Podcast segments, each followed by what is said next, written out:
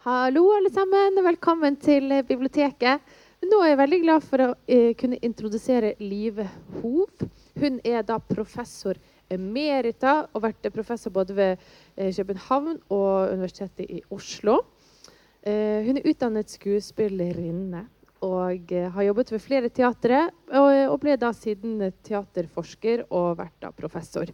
Eh, hun har skrevet flere bøker i teaterhistorie. og i dag er hun her for å snakke om uh, denne boken som uh, heter 'Kunstnere og yrkeskvinner'. Om Norges første skuespillerinner. Den er, vel, den er faktisk utlånt akkurat nå, men det går an å sette seg på venteliste. og hvis dere vil være ekstra greie mot henne, så kan dere jo kjøpe den i butikken. Og gi den i julegave eller noe sånt. Um, da tror jeg bare vi ønsker Live velkommen og gir henne en varm applaus. Ja, takk for introduksjonen, og først og fremst tusen takk for invitasjonen, som kom for ganske lenge siden, da alt så mye lysere ut. Eh, det var vel i august. Og da visste vel ingen at det skulle bli så mye nedstengninger og avlysninger igjen. Eh, så jeg trodde vel egentlig ikke dette ville bli noe av, men nå er vi her. Og er veldig glad for at det faktisk er kommet et publikum. For jeg så litt for meg at det ville sitte én eller høyst to. Og, da kan det bli litt stusslig, men dette er kjempefint. Og det er jo hyggelig å være tilbake i Bergen. Jeg må si tilbake, for jeg har en gang i min ungdom bodd her i tre år. Da var jeg på Nasjonale Scene og jobbet der. Og da må jeg nesten få lov å nevne at akkurat i disse dager er det 50 år siden jeg sto på scenen sammen med mange andre unge mennesker eh, og var med i Hår, som jo var en, litt av en milepæl i teaterhistorien, rett og slett. Eh, men eh, den skal vi ikke snakke om nå, men for meg blir det litt sånn mimring å komme tilbake akkurat nå. Ja, Men vi må gå til saken. Så her ser dere tittelen, og det er fordi det er jo også tittelen på boken som jeg har her. Den boken utkom i mai, men så har den altså druknet litt da i koronaen. Eh, og det er litt av hvert som er blitt avlyst av andre ting, så derfor er det som sagt ekstra hyggelig. Og så er det jo det at temaet for foredraget passer ekstra godt her i Bergen. For eh, faktisk de fleste av de ledende skuespillerinnene på 1800-tallet, de var fra Bergen. Og de debuterte på Byens teater og spilte her. Så f.eks. alle de fire på bokomslaget de er fra Bergen. Det øverst til venstre Lucy Wolff. Så har vi Johanne Dybwad. Og under til venstre hennes mor, som het Johanne Juel. Og så er det Laura Gundersen. Alle de er, eller var, må man kanskje si, fra Bergen, men alt det kommer jeg tilbake til. Nå var det slik at Nesten alle disse bergenske skuespillerinnene de fortsatte sin karriere ved hovedstadens teatre. Det var litt av en talentflukt fra Bergen til Kristiania. Men deres betydning strekker seg langt utover både Bergen og Kristiania. For sett i et historisk perspektiv så var de nemlig pionerer, både som kunstnere og yrkeskvinner. De var de første kvinner som gjorde seg gjeldende som profesjonelle kunstnere. Hvis vi tenker på en, en større samlet gruppe, ikke én og én, som det var noen av innenfor andre kunstarter. Og så var de samtidig slik at deres kunst jo også var et yrke. For skuespillerinnene var eh, de første kvinner som kunne heve sin selvstendige lønn for en klart definert offentlig virksomhet. Og så er det kanskje noen som sier ja, men hva med de prostituerte? Jo, eh, det er, går enda lenger tilbake i tiden, men jeg syns det er en, en helt annen historie. Selv om ja, vi kommer inn på noen, en, et ørlite berøringspunkt etter hvert. Eh, de første profesjonelle norske skuespillerinnene var omtrent jevnaldrende med Henrik Ibsen, og han var født i 1828. Og deres teaterkarriere den utspilte seg også samtidig med hans, dvs. Si i annen halvdel av 1800-tallet.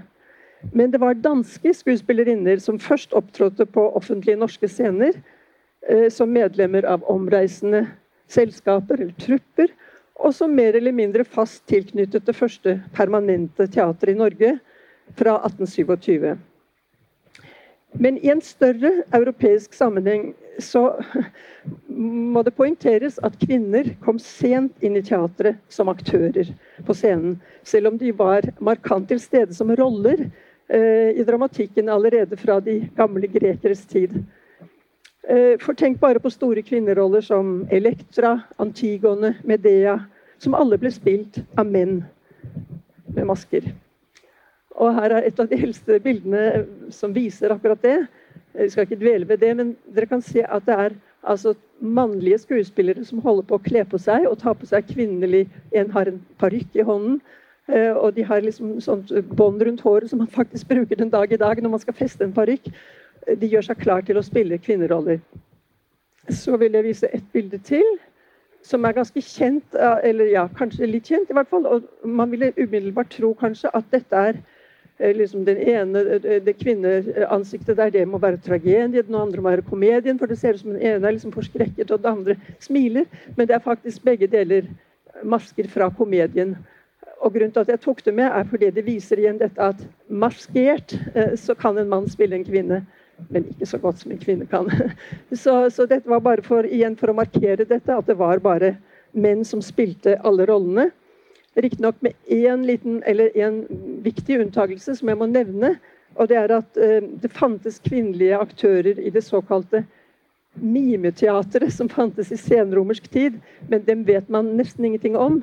Eh, men, så Derfor skal vi ikke si mer om dem. Men eh, eh, noe som faktisk er ganske viktig, det er at fra tidenes morgen og til i dag så har kvinner opptrådt som dansere, sangere, musikere, sjonglører og akrobater i forskjellige sammenhenger utenfor de etablerte scenene.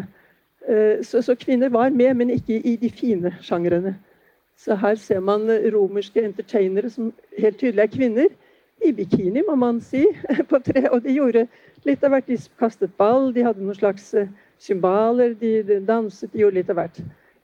Og sånn fortsatte det også opp gjennom middelalderen.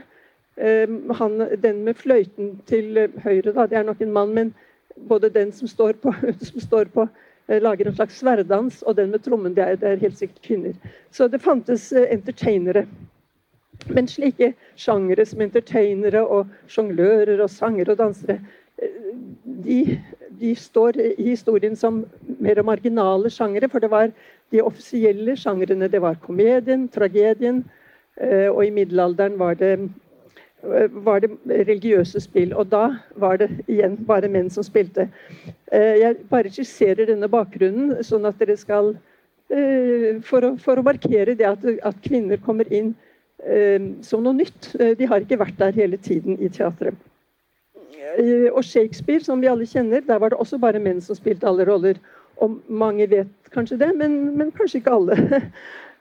Men på dette tidspunkt, på Shakespeares tid rundt 16, år 1600, da hadde kvinnene begynt å gjøre seg gjeldende på scenen i land som Italia og Spania.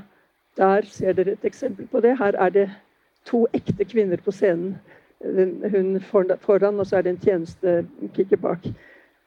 Eh, så kom det kvinner inn på, i fransk teater litt senere, på 1600-tallet. Og så enda senere så kom det kvinner i England. Og der var det slik at skuespillerinnene faktisk eh, gjorde sin entré som en konsekvens av tidens politiske begivenheter. For eh, der var det jo en stor borgerkrig i England på midten av 1600-tallet. Da innførte puritanerne teaterforbud. Så da var det ikke teater i det hele tatt. Men da, da monarkiet var gjenopprettet i 1660, da kom det kvinner. Og man sier at det var fordi kongen, som hadde vært i eksil eh, Det var altså Charles 2. Han hadde vært i eksil i, på kontinentet, og han hadde sett kvinner på scenen. Så det ville han også ha i England. Så eh, det kom kvinner med en gang etter, denne, etter at borgerkrigen var slutt. Og det ble også anbefalt og godkjent via sånn kongelig patent som har underskrevet Charles navn. Så nærmer vi oss våre egne breddegrader. Eh, da var teatret i Lille Grønnegate i København det var det første permanente offentlige Eller mer, ikke, ikke, helt permanente, da, men peri, permanent i en periode. Det første av den art i Norden. Og dette teatret var åsted bl.a. for Holbergs poetiske raptus. For Holberg skrev jo alt mulig annet også, men i en kort periode skrev han bare skuespill. og så også en senere periode. Og dette var fra 1722 til 27. Og både der, eh, på Teatret Lille Grønnegate, og på de andre eh, scenene som kom etter hvert eh, i Skandinavia, så var det kvinner med fra starten. Kristiania fikk som sagt sitt første faste teater i 1827. Men en stund før det, allerede i 1771, hadde den tysk-svenske teatermannen Martin Nyrenbach fått privilegium på å oppføre danske komedier med norske undersåtter i Kristiania. Men hans ensemble omtales i svært kritiske vendinger i et samtidig notat, som antagelig er skrevet av Bernt Anker, som var forretningsmann, kammerherre og en betydningsfull mann i Kristiania. Han skrev Våre spektakler smaker av det vederstyggeligste barbari som noensinne kan forestilles av mennesker for mennesker. En vesterlands dreng er Holbergs usynlige, en Drammens skjøge primadonna. Og her skal vi særlig merke oss dette utsagnet om primadonnaens eh, sosiale status. Det er et åpent spørsmål om denne kvinnen faktisk var en skjøge. Men det er uansett symptomatisk at hun ble ansett som moralsk tvilsom og sosialt underlegen. For det gjaldt for teaterets aktører generelt. Eh, men den moralske nedvurdering har eh, tradisjonelt rammet kvinnene hardest. Og det kommer jeg tilbake til. Nyrenbachs teaterforetakene i Kristiania oppnådde bare to-tre måneders virksomhet. Og så gikk det 50 år før Norge altså fikk et profesjonelt teater på faktisk permanent basis, eh, mer eller mindre frem til i dag. Eh, det het først Strømbergs teater, og etter kort tid ble det til Kristiania teater. Eh, altså i Kristiania, da selvfølgelig, og med et overveiende dansk ensemble.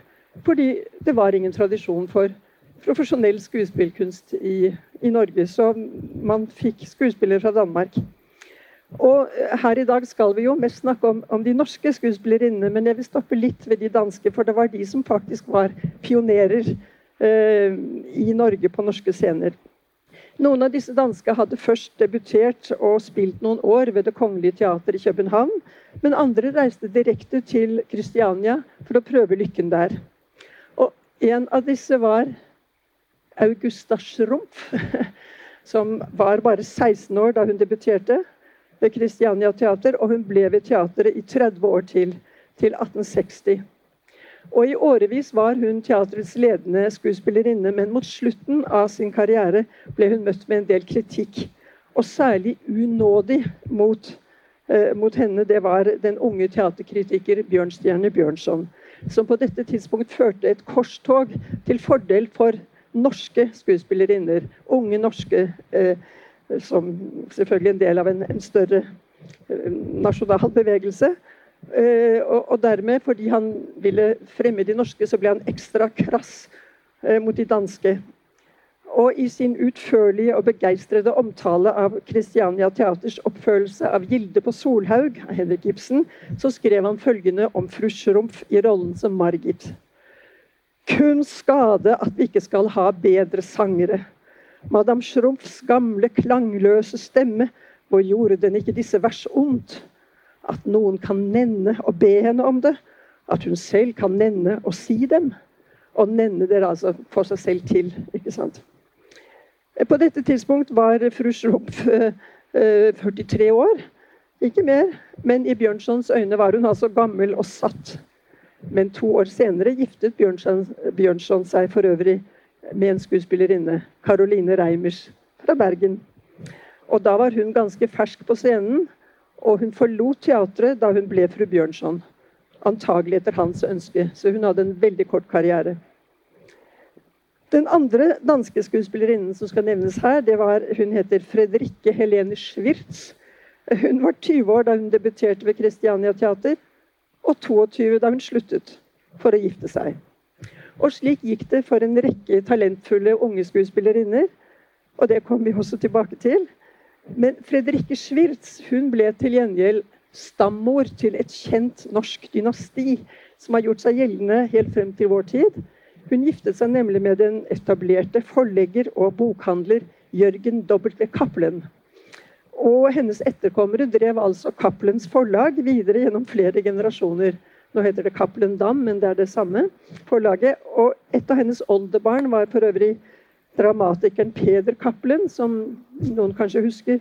Og han var da for øvrig, som en fotnote, gift med skuespillerinnen Kari Simonsen.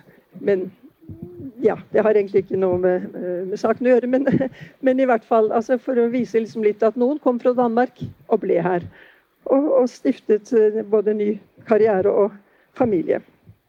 Men nå skal vi endelig videre til Bergen.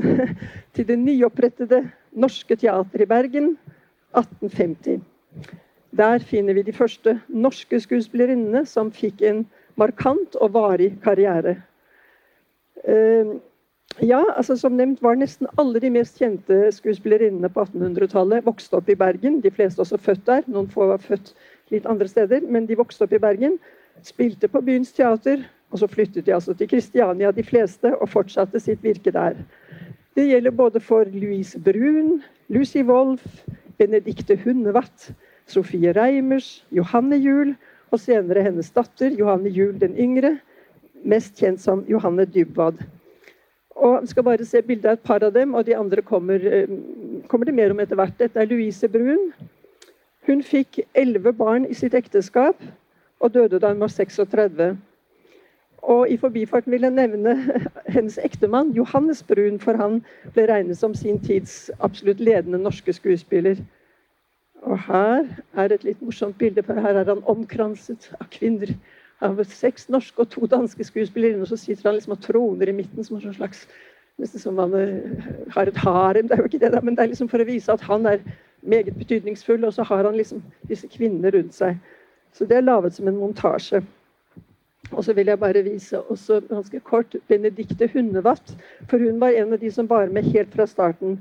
Og hun spilte, hadde vel en karriere på en 12-15 år gikk etter hvert ut av teatret da hun også giftet seg med mann nummer to, som tilhørte mer borgerskapet. Men hun var også veldig allsidig, eh, sang også flere operaroller, og det var det for så vidt mange som gjorde. De var veldig sånn, Den ene etter den andre sang de plutselig store operaroller også. Det er imponerende, men det er mulig at det ikke var helt på, på høyde med hva man kanskje ville tenke seg i dag. Men de gjorde det. Så skal vi til 1800-tallets store norske tragedienne. Eh, Laura Gundersen fra Bergen. Eh, men hun reiste allerede som 17-åring til hovedstaden for å søke seg direkte inn ved Christiania Teater. Også Sofie Parelius, født og oppvokst i Bergen, hun søkte seg også søkte seg direkte til teateret i Kristiania. Og da var hun for øvrig en moden dame på 29. Det var eh, en veldig høy alder å starte ved teatret på. Men hun ble der til gjengjeld til hun var veldig gammel, og kan jo nevne at hun var da den første mor Åse i Per Gynt. Men da tok jeg ikke med noe bilde av henne. Eh, men i hvert fall så skal jeg videre nemlig til enda en kjent bergensk skuespillerinne. Nemlig Fredrikke Nilsen. Eh, ja, her het hun Jensen, for det er et veldig tidlig ungdomsbilde. Så giftet hun seg med en skuespiller, Harald Nilsen. Eh, og hun, de to fikk ti barn. Men hun avviker litt fra det vanlige mønsteret ved at hun aldri var knyttet til noe teater i Kristiania som de fleste liksom søkte seg mot. Men hun hadde en lang og, og rik karriere i Bergen og Trondheim og på turneer. Men så skjedde det noe spesielt, for etter 30 år ved teatret så brøt hun over tvert og ble predikant i, i Metodistkirken, vekkelsespredikant, og turnerte bl.a. i USA.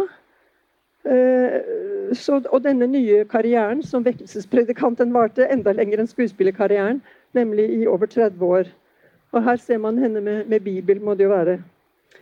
Men eh, for oss er hun jo viktigst i sin funksjon som skuespiller, og det bildet er jeg veldig betatt av, selv om det er kanskje litt uskarpt osv., for det er antagelig det eldste rollebildet av en norsk eh, skuespillerinne. Og, og, det var jo da i Bergen, som dere ser, 1859. Hjørdis i Hermene på Helgeland. Det var altså en rekke skuespillere fra Bergen, også menn. Og de kom til å prege Kristianias scener, eh, også rent språklig, i den grad at unge skuespillere som snakket diverse østlandsdialekter, de fikk kritikk for sin altfor brede og litt sånn bondske uttale.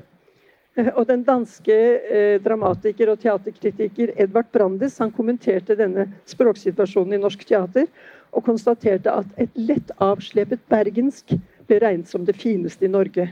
Fordi det lå tettest på dansk, mente han. Men selvfølgelig så hendte det også at skuespillere fra Østlandet eller Sørlandet endte opp ved teateret i Bergen på permanent basis. Det gjaldt f.eks. For, for Octavia Sperati, født i 1847 i Kristiansand. Og hvis noen lurer på om hun eh, egentlig var italiensk liksom, Octavia Sperati, det høres jo veldig italiensk ut. Ja, det er det delvis, men det var det navnet hun giftet seg til, etternavnet, fordi mannen hennes var annengenerasjons italiener i Norge. Teatermusiker, som hans far også hadde vært. Så hun var født faktisk Salmine Octavia Svendsen. Eh, det var ikke helt så eksotisk. Men jeg har fått et veldig nært forhold til Octavia Sperati, for hun er den av de tidligere skuespillerinnene som har eh, etterlatt seg mest materiale. To fyldige, velskrevne, utmerkede erindringsbøker som inneholder masse verdifullt stoff. Eh, og også vurderinger, og både opplysninger og vurderinger, og masse gode bilder. Og så er det en annen sak som dere kanskje vet, Eh, men som pleier å, og liksom folk pleier å, å stusse litt over hvis jeg sier det i andre sammenhenger. Hun er jo også offisielt teaterspøkelse ved Den nasjonale scene. Eh, og, eh, så jeg tror det har vært flere sånne små forestillinger hvor hun liksom viser rundt og, videre. Og, og, så er det jo også det, antagelig som en konsekvens av dette spøkelsesaktige, litt sånn gotiske, så er det jo et black metal-band i Bergen. Det har i hvert fall vært det som bar hennes navn. Octavia Sperati, eller bare Octavia kanskje nå. Eh, og dette portrettet det henger jo fortsatt eh, på teatret.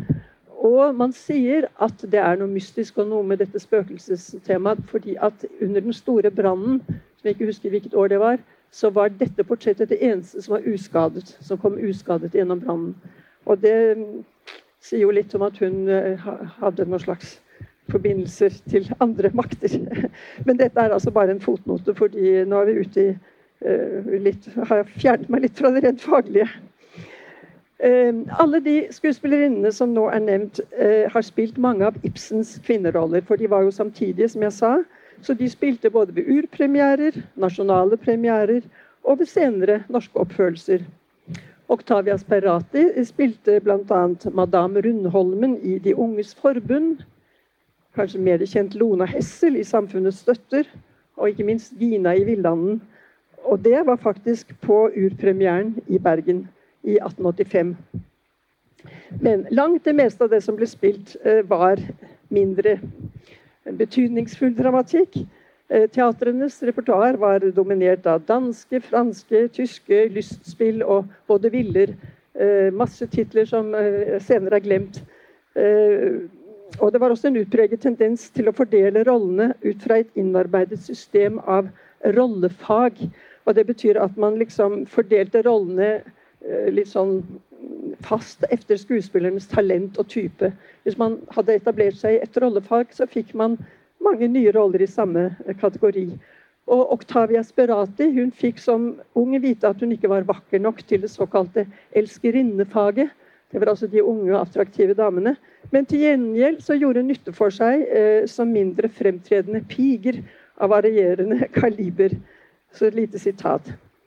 I erindringen ser jeg meg selv når teppet gikk opp under musikk, alltid stående med løftet beger, enten som bondepike eller borgerpike eller røverpike eller annen slags pike. Alltid glad, syngende eller dansende. Men snart fikk hun også Og da tok jeg med et rollebilde, selv om jeg tror ikke det akkurat er en sånn typisk pike, men der øh, viser det sånn litt orientalsk tema som også var veldig populært. Men jeg syns det er et fint bilde. Uh, ja, men uh, Så hun fikk Hennes spesialitet ble liksom den livlige, muntre kategorien. De ferme kvinner med snert i replikken og glimt i øyet osv. Så, videre. så hun eksellerte bl.a. i Holbergs såkalte magdeloneroller, altså de litt eldre konene, og i andre matroneroller i samme stil. Men eh, både Octavia Sperati og Sofie Reimers, en kjent skuespillerinne fra Bergen, eh, har senere skrevet om skuespillernes lengsel etter å få roller av større litterær kvalitet. Og de har begge beskrevet eh, den spenningen alle følte når et nytt stykke av Ibsen eller Bjørnson var på vei. Octavia skriver bl.a. om at disse to dikterne har åpnet en ny verden, spesielt for skuespillerinnene. Sitat. I sin diktning har begge ryddet plass for kvinnen og stillet henne frem i lyset. På scenen at kunne levendegjøre deres herlige rekke av kvinneskikkelser vil for enhver scenisk kunstnerinne frem gjennom tidene stå som et høyt mål. Det fikk hun rett i. Eh, fortsatt er det Nesten alle skuespillerinner er eh, veldig takknemlige for å få arbeide med Ibsens kvinneskikkelser. Det er ikke mange av 1800-tallets norske skuespillerinner som er allment kjent i ettertiden. Ikke engang blant de teaterinteresserte. Men så snart man ser nærmere på stoffet, så myldrer det frem med navn på kvinner som har spilt på de etablerte norske scenene og, og på turneer. Eh, det var debutanter så å si på løpende bånd. Og om nesten alle kan man lese at de hadde et fordelaktig ytre og en smukk sangstemme. Eh, begge de to tingene var åpenbart nødvendige forutsetninger for å slippe frem på scenen i det hele tatt. Men svært mange av dem hadde en kort profesjonell levetid. Noen døde unge, andre fikk ikke fornyet engasjement. Men det store frafallet skyldtes først og fremst at unge skuespillerinner nesten alltid forlot scenen når de giftet seg. I hvert fall hvis de giftet seg utenfor teaterets verden. Og omvendt var det jo da slik at langt de fleste som ble i yrket, de var gift med kolleger ved teatret. Som regel skuespillere, eller det kunne være musikere. I tillegg til Fredrikke Nilsen og Louise Brun, som jeg allerede har nevnt, så gjaldt det både Laura Gundersen, gift med kollega Sigvart Gundersen, Lucy Wolff, gift med Nicolai Wolff, Andreas Isaksen, gift med Janni Isaksen, og en lang rekke andre. Og mange av de yrkesaktive skuespillerinnene fikk flere barn. Eh, vi hørte jo om en som fikk ti, og en som fikk elleve. Og de klarte uh, utrolig nok å kombinere hjemmets og teatrets kvinneroller. Og de fleste levde nok sine liv i alminnelig borgerlig orden. Men ikke desto mindre fantes det som nevnt en inngrodd moralsk motvilje mot skuespillerstanden, og særlig mot skuespillerinnene, som gjennom hele sin historie er blitt beskyldt for promiskuitet og umoral. Den store danske skuespillerinnen Johanne Louise Heiberg, som også dominerer på 1800-tallet i dansk teater, litt eldre enn de fleste av disse her, eh, har skrevet eh, veldig fyldige memoarer i flere bind. Hun har formulert det slik sitat, Det er en gammel tale, en inngroet fordom, at det skulle ligge noe ukvinnelig i at stille seg frem på scenen for mengdens øyne, i at lade seg legemlig og åndelig beundre. Ja, altså at kvinner agerte på den offentlige scene, og til og med mottok penger for det, det innebar en krenkelse av hennes ideelle bluferdighet, og dannet en åpenbar parallell til prostitusjon, var det mange som mente. Og denne sosiale miskreditten den var etter alt å dømme den viktigste årsaken til at ekteskap med en mann av borgerskapet ble ansett som uforenlig med det virke ved teatret. Det var ikke det at det var noen, noen lov, eller noe som helst, men det, det lå som en såkalt konvensjon. Slik var det bare. Lenge. Og flere av skuespillerinnene forteller i sine erindringsbøker om den avvisning og sorg de ble møtt med i sin familie da de som unge ga uttrykk for ønsket om å gå til scenen. Marie Midlingbull fra Bergen hun siterer sin fars harde ord da hun selv brakte temaet på banen. Nei takk, min datter skal ikke bli noen tøyte. Og også i Lucie Wolfs tilfelle var skuespillernes lave moral, eller lave moralske anseelse, får vi kanskje si, det viktigste ankepunktet for familien. Men man bekymret seg også for den skade hun ville gjøre på sin sjel. Sitat. Vet du da ikke, kjære barn, at det er en vei full av farer og fristelser, som jo ganske vil drage deg bort fra Gud? Spurte Lucies eldre søster. Men hun gikk til teatret likevel, altså, og, og ble et stort navn. Og tilsvarende bekymringer og anskuelser er diktet inn i tidens fiksjon, både av Ibsen og Bjørnson. Og det kommer først veldig tydelig til uttrykk i Bjørnsons roman 'Fiskerjenten' fra 1868, der det unge naturbarnet Petra eh, har en ambisjon om å gå til teatret. Og når det kommer for en dag, så utløser det en forferdet reaksjon fra prosten, som har tatt seg av henne og tatt henne inn i huset. Så kommer det sitat fra, fra, fra boken. Altså var det for å bli skuespillerinne hun var kommet i hans hus og hadde tatt undervisning av hans datter. Og dette hemmelige mål, det som prosten ofte i hennes nærværelse hadde fordømt, utsmykket hun med Guds kall og våget å be ham velsigne. Et liv full av utvorteshet og forfengelighet, skinnsyke og lidenskapelighet, dovenskap og sanselighet, løgn og voksende karakterløshet. Et liv hvorover alle gribber fløy som over et åtsel. Dette liv var det hun lengtes at hengi seg til, og ba Gud om å innvie. Altså, dette er jo tanker som Bjørnson legger prosten eh, på en måte i munnen, men det avspeiler nok eh, en viss innstilling som fantes i tiden. Men Petra i boken hun ender faktisk som skuespillerinne likevel. Men det fremgår underveis at en kommende teaterkarriere ikke kan forenes med forlovelse og ekteskap med den unge teolog Ødegård, som presten har utsett til henne. Så hun hun forlater allikevel teatret. Nei, nei, nei det, sånn er det ikke. Nei, nå sier jeg feil. Hun går til scenen, men forlovelsen med Ødegård, den, den må hun bryte. Eller den kommer ikke i stand. Sånn er det.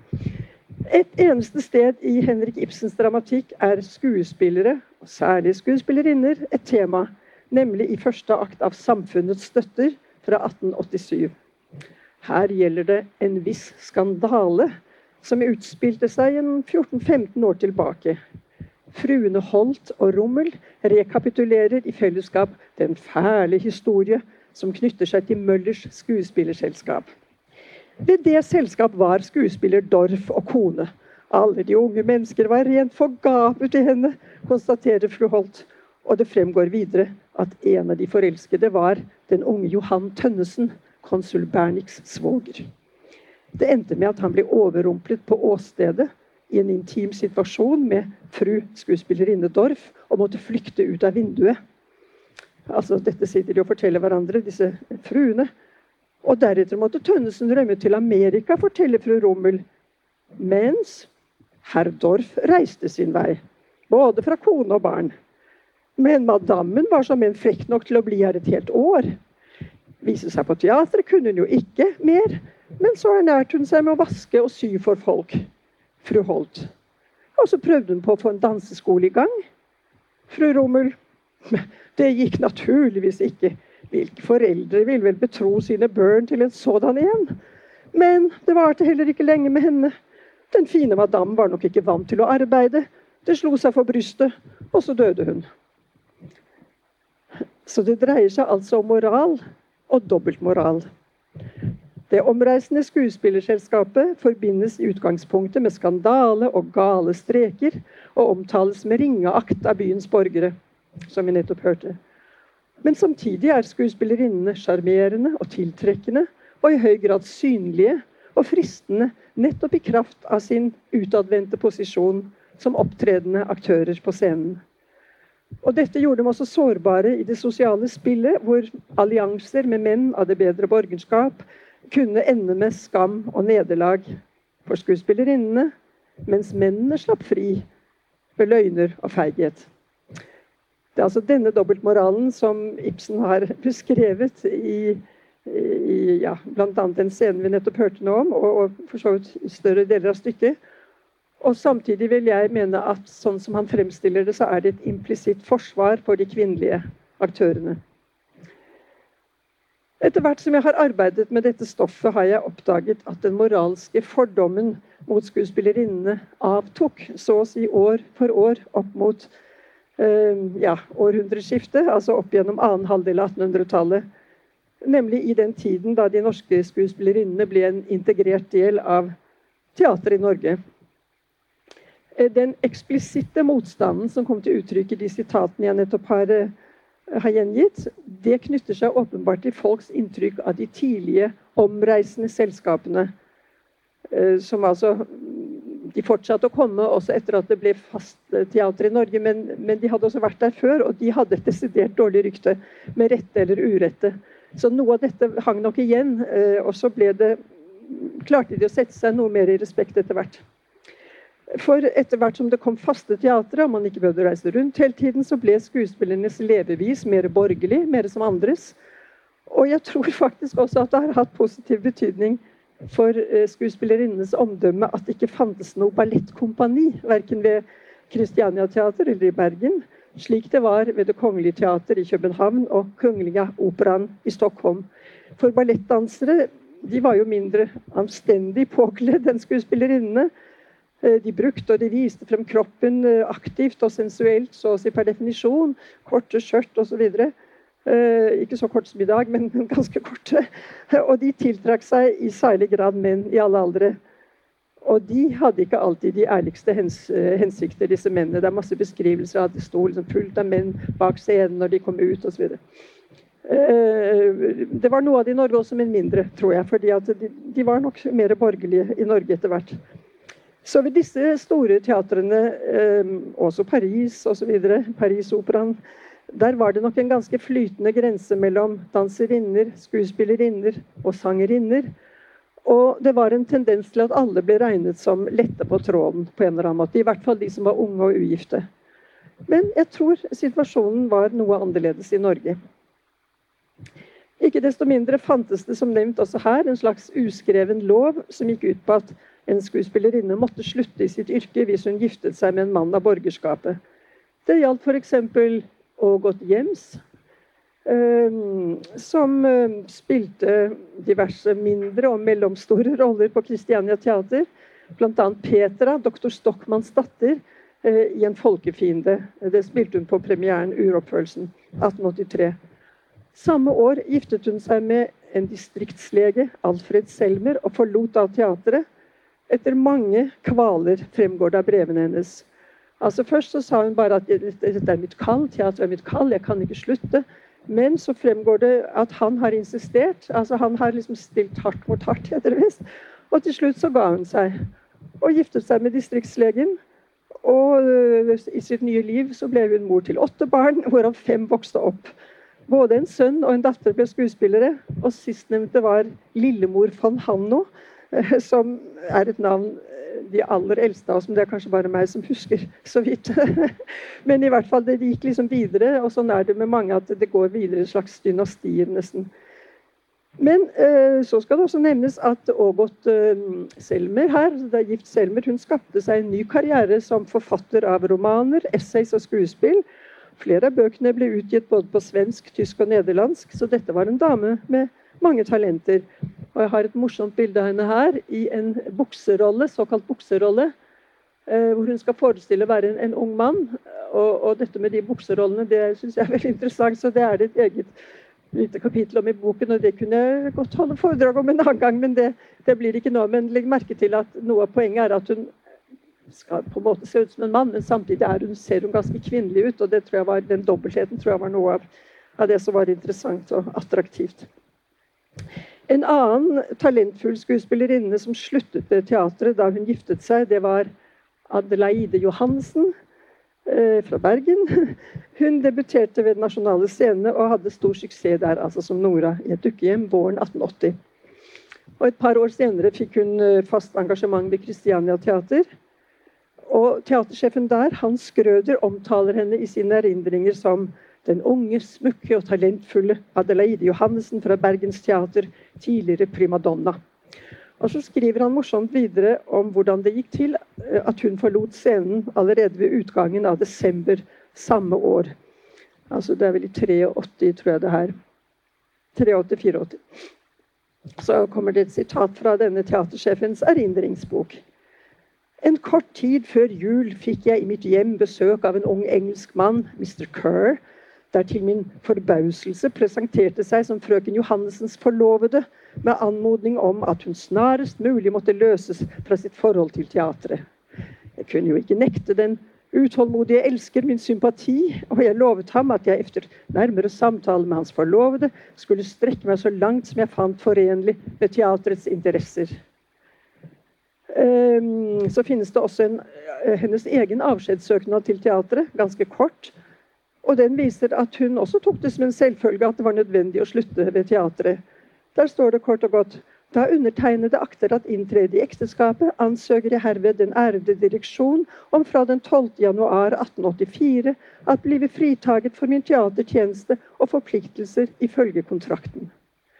Men jeg må lage enda en liten krølle på den saken. For i sitt tilbakeblikk eh, på denne saken så har teatersjefen gjort seg noen interessante betraktninger om hvordan de to unge hver især eh, forholdt seg til hennes brudd med teatret.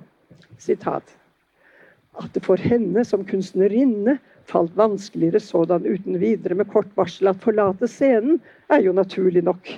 Mens den forelskede unge mann der så godt som aldri hadde overværet noen teaterforestilling, unntagen den hvor han så henne for første gang og straks dødelig forelsket seg i henne, intet heller ønsket enn snarest mulig å få henne vekk fra en livsgjerning som han med sin skotsk-puritansk oppdragelse hadde såre lite til overs for. Så her har vi altså et tilfelle, et typisk tilfelle av det moralske paradokset som har kjennetegnet skuespillerinnenes posisjon nesten frem til vår tid.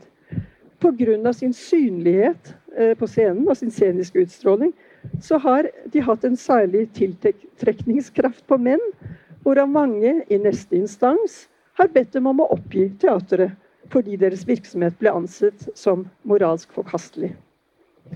Så um, ja. Det, det taler nesten for seg selv når, når, det finnes såpass mange eksempler.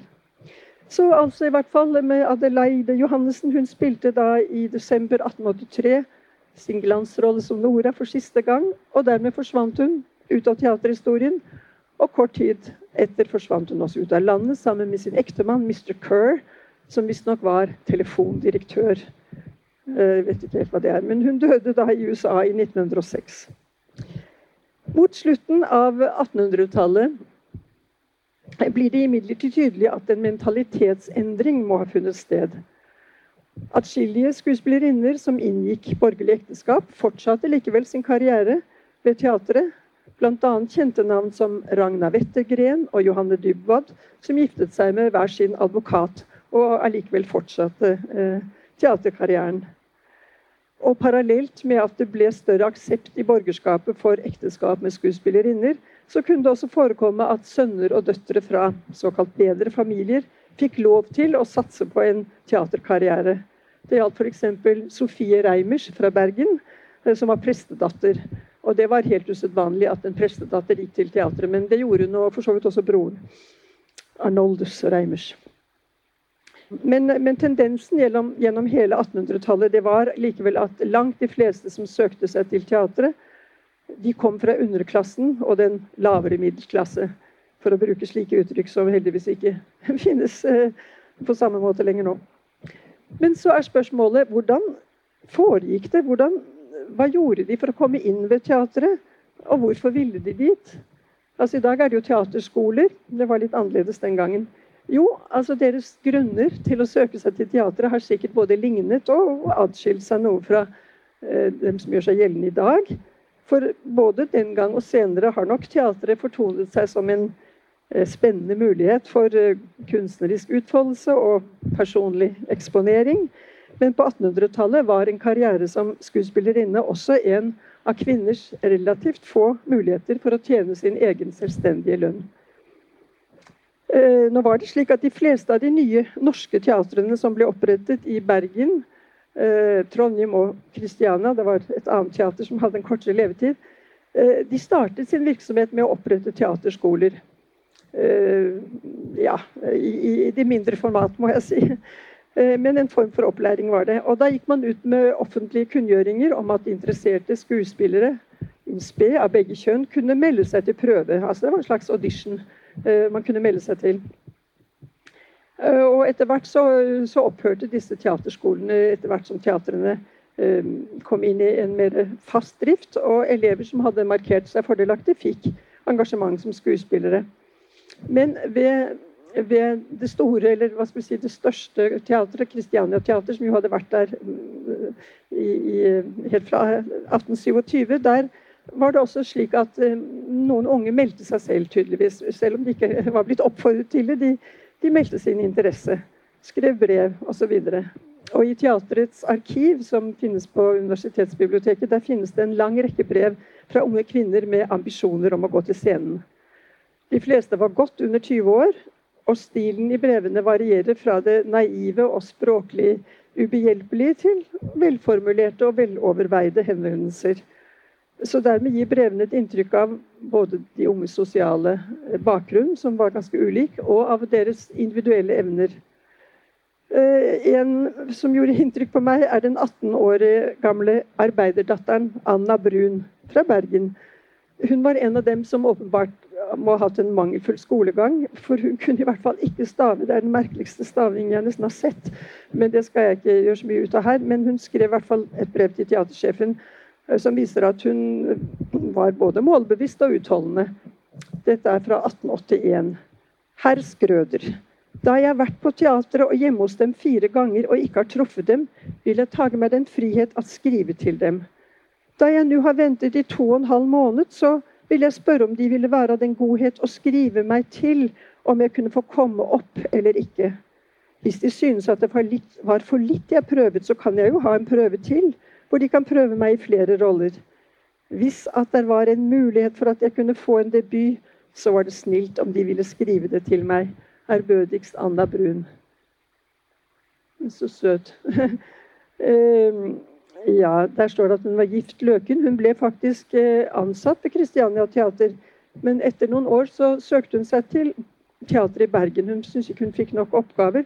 Og da var hun blitt eh, Anna Løken, for hun hadde giftet seg med Kalle Løken, som var en ganske kjent kunstmaler, og som etter hvert også ble skuespiller. Men karrieren og livet endte Sørgelig for dem begge to. Anna døde av sykdom bare 30 år gammel. Og kollegene ved teatret arrangerte da en minneforestilling til inntekt for hennes to små barn. Rørende, syns jeg. Og to år senere tok Kalle sitt eget liv. Den aller yngste av arkivenes håpefulle eh, aspiranter er nok Helga Bull, som eh, skrev brev fra Trondheim i 1885. Eh, Herr direktør. De må unnskylde min frihet. Jeg har så svært lyst til scenen. Om jeg ikke kan få en liten plass ved teatret? Jeg er kun 16 år og er liten av vekst. Jeg har vært flere ganger på scenen og hatt små roller. Jeg vet ikke hvordan det er med min sangstemme, for jeg har ikke sunget på flere år. De må se om de ikke har en liten plass til meg. Jeg lengtes etter svar. Men antagelig har ikke direksjonen gjort seg den uleilighet å sende henne noe svar. Og Helga Bull har tilsynelatende ikke etterlatt seg andre spor i norsk teaterhistorie. Alle de unge og håpefulle som ønsket å gå til teatret, må ha delt drømmen om et spennende og givende liv i rampelyset. Noen har eh, i utgangspunktet vært mer seriøse og kanskje mer realistiske enn andre. Men det å gjøre lykke på scenen det sto for mange som en forlokkende mulighet, som kanskje særlig appellerte til unge damer en meget populær farse med sanger. En, en, et stykke som var veldig populært, som het 'Hun skal debutere'. Det er altså et fransk stykke som er oversatt 'Le père de la débutante'. heter det. Her møter man en teatergal ung dame med en like teatergal pappa, som selv er gammel skuespiller, og som gjør alt han kan for å få datteren inn ved teatret via diverse påfunn og intriger. Og På et tidlig tidspunkt i stykket så gjør pappaen, som heter Tanne, Eh, rede for sine tanker om den suksess datteren vil få. Hun skal debutere, og vent bare til publikum har fått henne å se. Det vil regne ned over henne med applaus, blomster, sonetter, presanger, begeistrede anmeldelser. 20 000-30 000 i gasje sier han. Han er en komisk figur, og hans oppramsing av goder er jo tilsvarende overdrevet.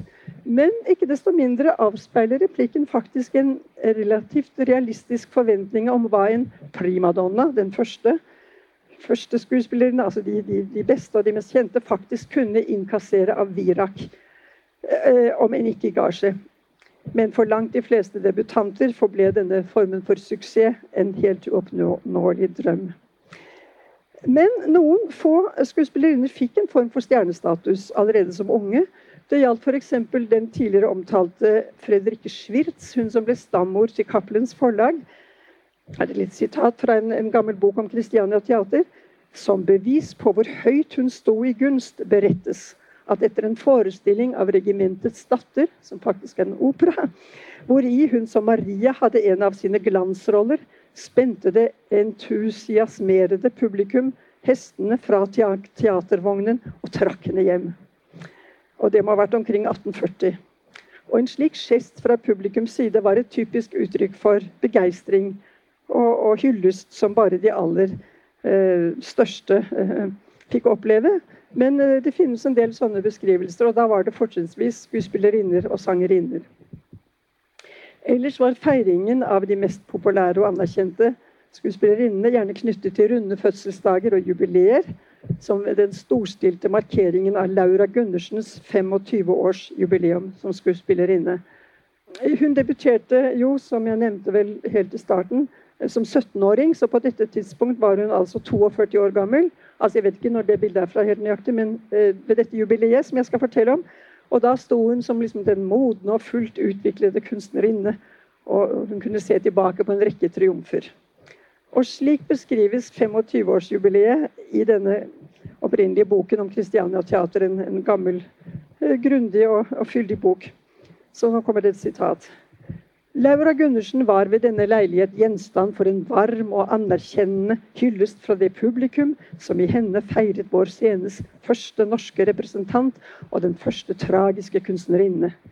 Under forestillingen ble det overrakt henne en laurbærkrans av gull fra venner og beundrere av hennes kunst, og etter forestillingen ble hun ledsaget til sitt hjem av et fakkeltog med et musikkorps i spissen, fullt av en tallrik folkemasse.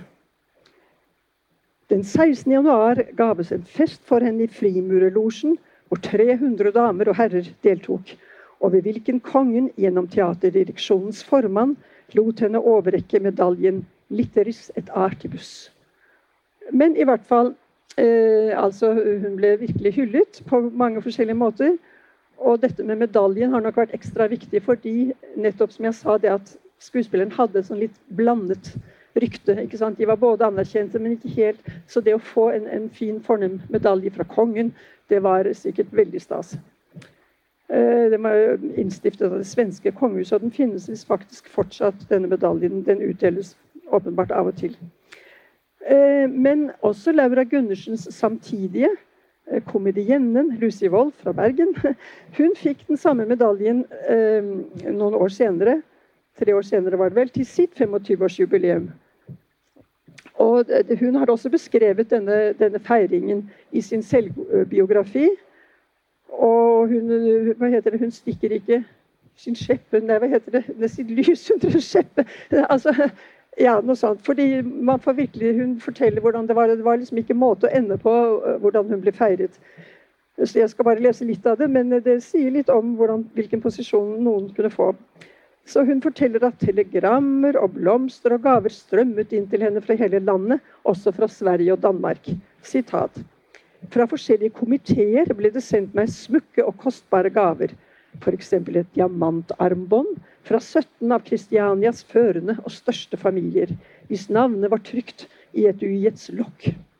Fremdeles et gullhalssmykke med briljanter, ur og kjede av gull, en besetning med røktopaser innfattet i matt gull, et smukt skrivebord med 200 kroner i gull i den ene skuffen, elegant, en elegant sort fløyelskjole med kniplinger, malerier, sofa og stoler, tepper, kåpe osv. Noe meget fornøyelig kom fra en slakterkone, en voldsomt stor stek og et brev med takk for all den glade latter jeg hadde gitt henne. Og fra en bondekone i Asker et stort spann med tykk fløte, også med takkebrev. ja, litt annerledes enn i dag. Fru Wolff lar videre leseren forstå at det var langt flere gaver, men at hun vil nøyes med å nevne hva der satte kronen på det hele. Medaljen 'Pro literis et artibus'. Og det, hun forteller at medaljen ble overrakt av kammerherre Holst, fulgt av et par av teatrets direktører, i kongens navn, med takk for hva hun hadde virket for den norske kunst. Og jubileet kulminerte med en stor fest på Grand Hotell i Kunstnerforeningens regi og med en del av byens damer som vertinner. Så var det enda en som fikk denne medaljen, og det var Johanne Juel. Som Nora i et dukkehjem. Hun var den første norske Nora eh, i 1880. Hun fikk denne ærefulle medaljen pro literis et artibus på sitt dødsleie. Hun døde av kreft bare 34 år gammel i 1882. Eh, og da var det kanskje ikke helt eh, så glansfullt, eller da var det sikkert med en slags bitter eh, undertone at hun mottok den medaljen, vil jeg tro. Men hennes karriere ble altså ganske kort, hennes liv også. Men hun etablerte seg tidlig som sin generasjons mest lovende og mest benyttede skuespillerinne. Hun var jo også, også fra Bergen. Hun hadde en virkelig høy stjerne både blant publikum og kritikere. Men ikke desto mindre hadde hun store problemer med å få endene til å møtes økonomisk. Fru Juel var samtidig både en temperamentsfull og en selvbevisst dame. Det fremgår av brevene. Og hun skrev det ene brevet etter det andre til direksjonen og teatersjefen med anmodninger om lønnsforhøyelse i en ganske pågående tone. På dette tidspunkt i 1870- og 80-årene var det en utpreget tendens til at høyt kvalifiserte skuespillerinner fikk lavere lønn enn mannlige kolleger på samme kunstneriske nivå. Og dette misforholdet kommenteres også i et av fru Juels lange brev fra 1877, som jeg siterer et utdrag fra. Jeg tillater meg at anmode den ærede direksjon om et gasjetillegg fra 1.1, således at min gasje ble i likhet med herr Clausens, da jeg under ingen omstendigheter vil stå på mindre gasje enn ham. Jeg har nå vært ved teateret i elleve år han kunne fem. Og med hensyn til den nytte jeg gjør teatret, samt min begavelse, så setter jeg ingen av delene under herr Clausen. Så jeg finner intet det berettiger ham til å, få, til å stå over meg i gasje. Og I et annet interessant brev ber hun innledningsvis om gasjetillegg, selv om hun også fikk det året før. Jeg har jo ikke alene meg selv å forsørge, påpeker hun, og redegjør videre for at hennes ikke ubetydelige gjeld ble forhøyet pga. et opphold ved Sandefjords bad, som hennes lege inntrengende hadde tilrådet sommeren før. Og nå må hun altså betale avdrag på gjelden. Og den resterende summen er på knapt 17 spesidaler månedlig.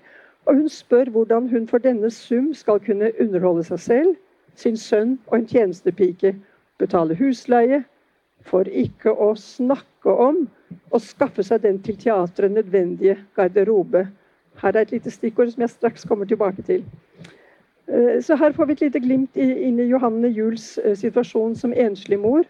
Altså hun var ikke formelt skilt, men hennes, eh, hun levde ja, Hun hadde skilt lag med sin mann for, da barna var helt små, så hun var eneforsørger, åpenbart.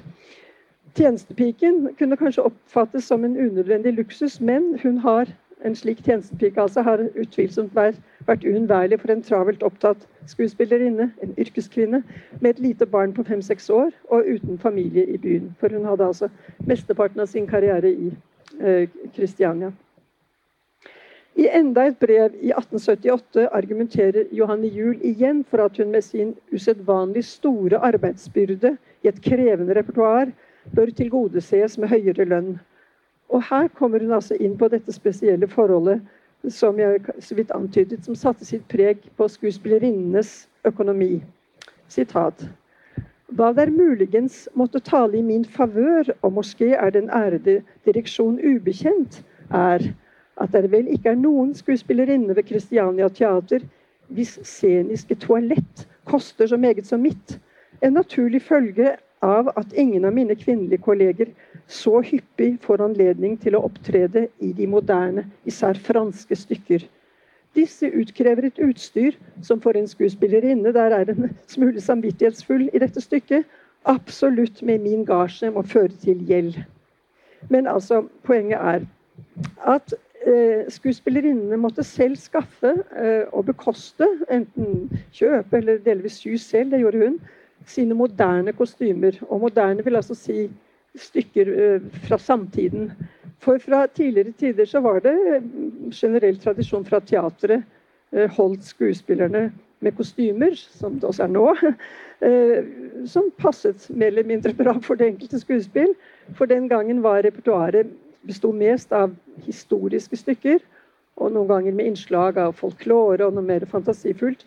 Og da var det jo spesielle drakter som skulle illudere mer eller mindre passende til temaet. Og, og, slike drakter hadde teatret et, et, lager av, og noen ble laget nye osv. Og, og tilpasset. Men etter hvert som såkalte salongstykker altså fra samtiden, kom inn på repertoaret. Da ble det fra teaterledelsens side bestemt at skuespillerne selv skulle sørge for kostymer. Og da ble det jo ganske snart slik eh, ble klart at denne forpliktelsen medførte større utgifter for skuespillerinnene, for damene, enn for deres mannlige kolleger. Fordi et, et stort utvalg av elegante kjoler i litt forskjellig stil det var atskillig mer kostbart enn en, eh, en herrenes dresser, som tross alt var noe mer standardiserte. Uh, og enkelte ganger når store utstyrsstykker skulle opp på repertoaret, så kunne teatret gi en viss støtte. Men ellers hadde altså skuespillerinnen en såkalt kjoleplikt. De omtalte det selv som kjoleplikt. Og det var et stort problem for, for dem. Og slik var det også ved teatret i Bergen. Og teatrets arkiv vrimlet av skuespillerinnenes nød og bønnerop om hjelp til de toaletter som det stadig skiftende repertoaret krevet, skrev teaterhistorikeren Hans Wiers Jensen. Og vår eh, Octavia Spirati, som vi allerede har stiftet bekjentskap med, hun har også skrevet utførlig og veldig engasjert om denne problematiske kjoleplikten i begge sine memoarbøker. Eh, jeg kan ta et eksempel fra den ene. 'Teatererindringer' heter den fra 1911. Der omtaler hun ordningen som citat, 'en jernhånd som trakk oss bort fra hovedsaken, rollens gjennomarbeidelse, som tvang oss til å legge rollen bort, studere motejournaler og fordype oss i alle de mangfoldige, innviklede detaljer hvorav toalettespørsmålet består. Dette splittet og svekket våre krefter og tanker i høy grad. Jeg føler ennå smertelig hvorledes jeg mange ganger lengtet og higet efter å få være alene med min rolle, men måtte forlate den og anstrenge min hjerne ved å utfinne ideer til drakter, og arbeide med å få det ingenting jeg hadde å leve av, til å se ut som noen ting. Og alle søknadene om gasjeforhøyelse, forskudd og lån gir uvegelig et inntrykk av at inntektene var elendige. Og atskillige kommentarer både fra memoarbøker og andre tekster synes å bekrefte dette. Gasjene var som bekjent mikroskopiske ved Christiania Teater, konstaterte f.eks. Sofie Reimers i sine memoarer nesten 40 år senere. Hun var uh, yngre. Og, og, kanskje har dette vært en slags etablert sannhet i uh, teatermiljøet? At skuespillerne tjente elendig. Det har de sagt både til hverandre og, og til andre. Men så var det at jeg skjønte at dette måtte jeg undersøke. Eh, nærmere i en, en litt videre horisont. Og da eh, skjønte jeg at jeg kunne sammenligne med andre yrkesgrupper, for det begynte å komme noen andre yrkesgrupper for kvinner mot slutten av 1800-tallet. Lærerinnene, f.eks. Deres lønn det er godt eh, undersøkt og dokumentert. Og der kan man for det første merke seg at lønnsforskjellen mellom hovedstadens lærere og lærerinner var langt større enn mellom skuespillere og skuespillerinner. Altså Det var si, mer urettferdig eh, fordelt på den måten. I teatret var det riktignok store lønnsforskjeller innad i gruppene. Altså slik at de, best, de, som tjente best av begge kjønn, de hadde flere ganger så høy lønn som de unge og de som ikke var så anerkjente. Så da var det liksom veldig etter fortjeneste, men, eh, men så dårlig var altså ikke lønnen.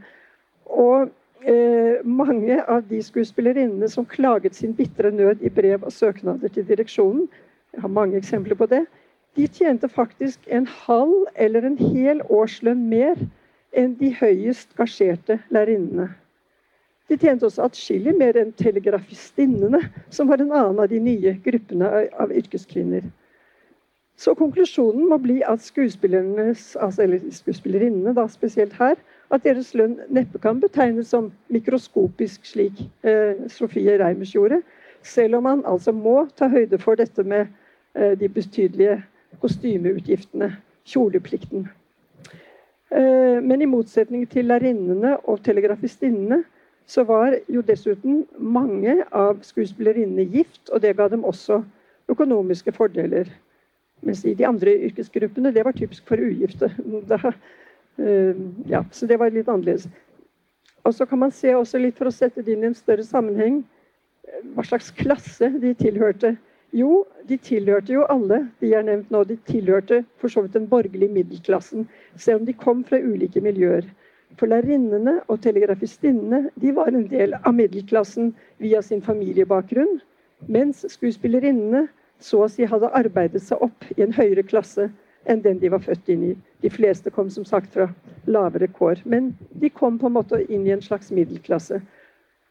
Um, og så må vi ikke glemme, flere klasser, Eh, arbeiderklassen, kvinnene i først og fremst tekstilindustrien. Det var den dominerende industrien for dem de tilhørte jo ja, eh, den laveste eh, nivået.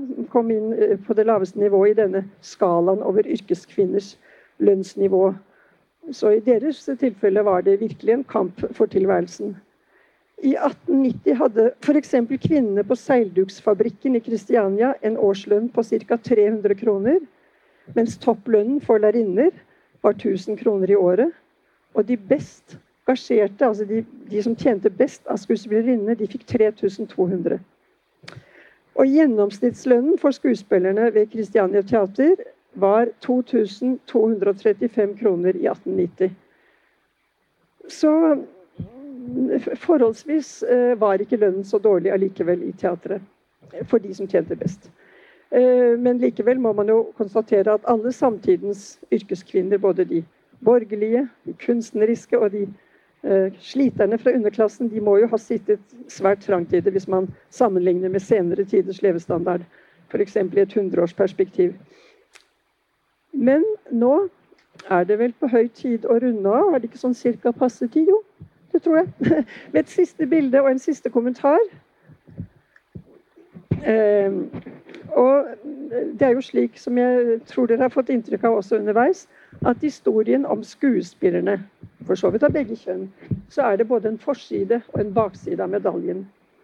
For gjennom det meste av historien har de vært feiret av publikum for sitt kunstneriske virke, mens de samtidig har vært generelt foraktet sosialt, eller i hvert fall ikke fullt anerkjent. Og ikke minst skuespillerinnene. Men det er viktig å markere også den positive siden av skuespillerinnenes virke. De fikk utfolde sitt talent og sin spilleglede på scenen, til berikelse for publikum og for teaterkunsten.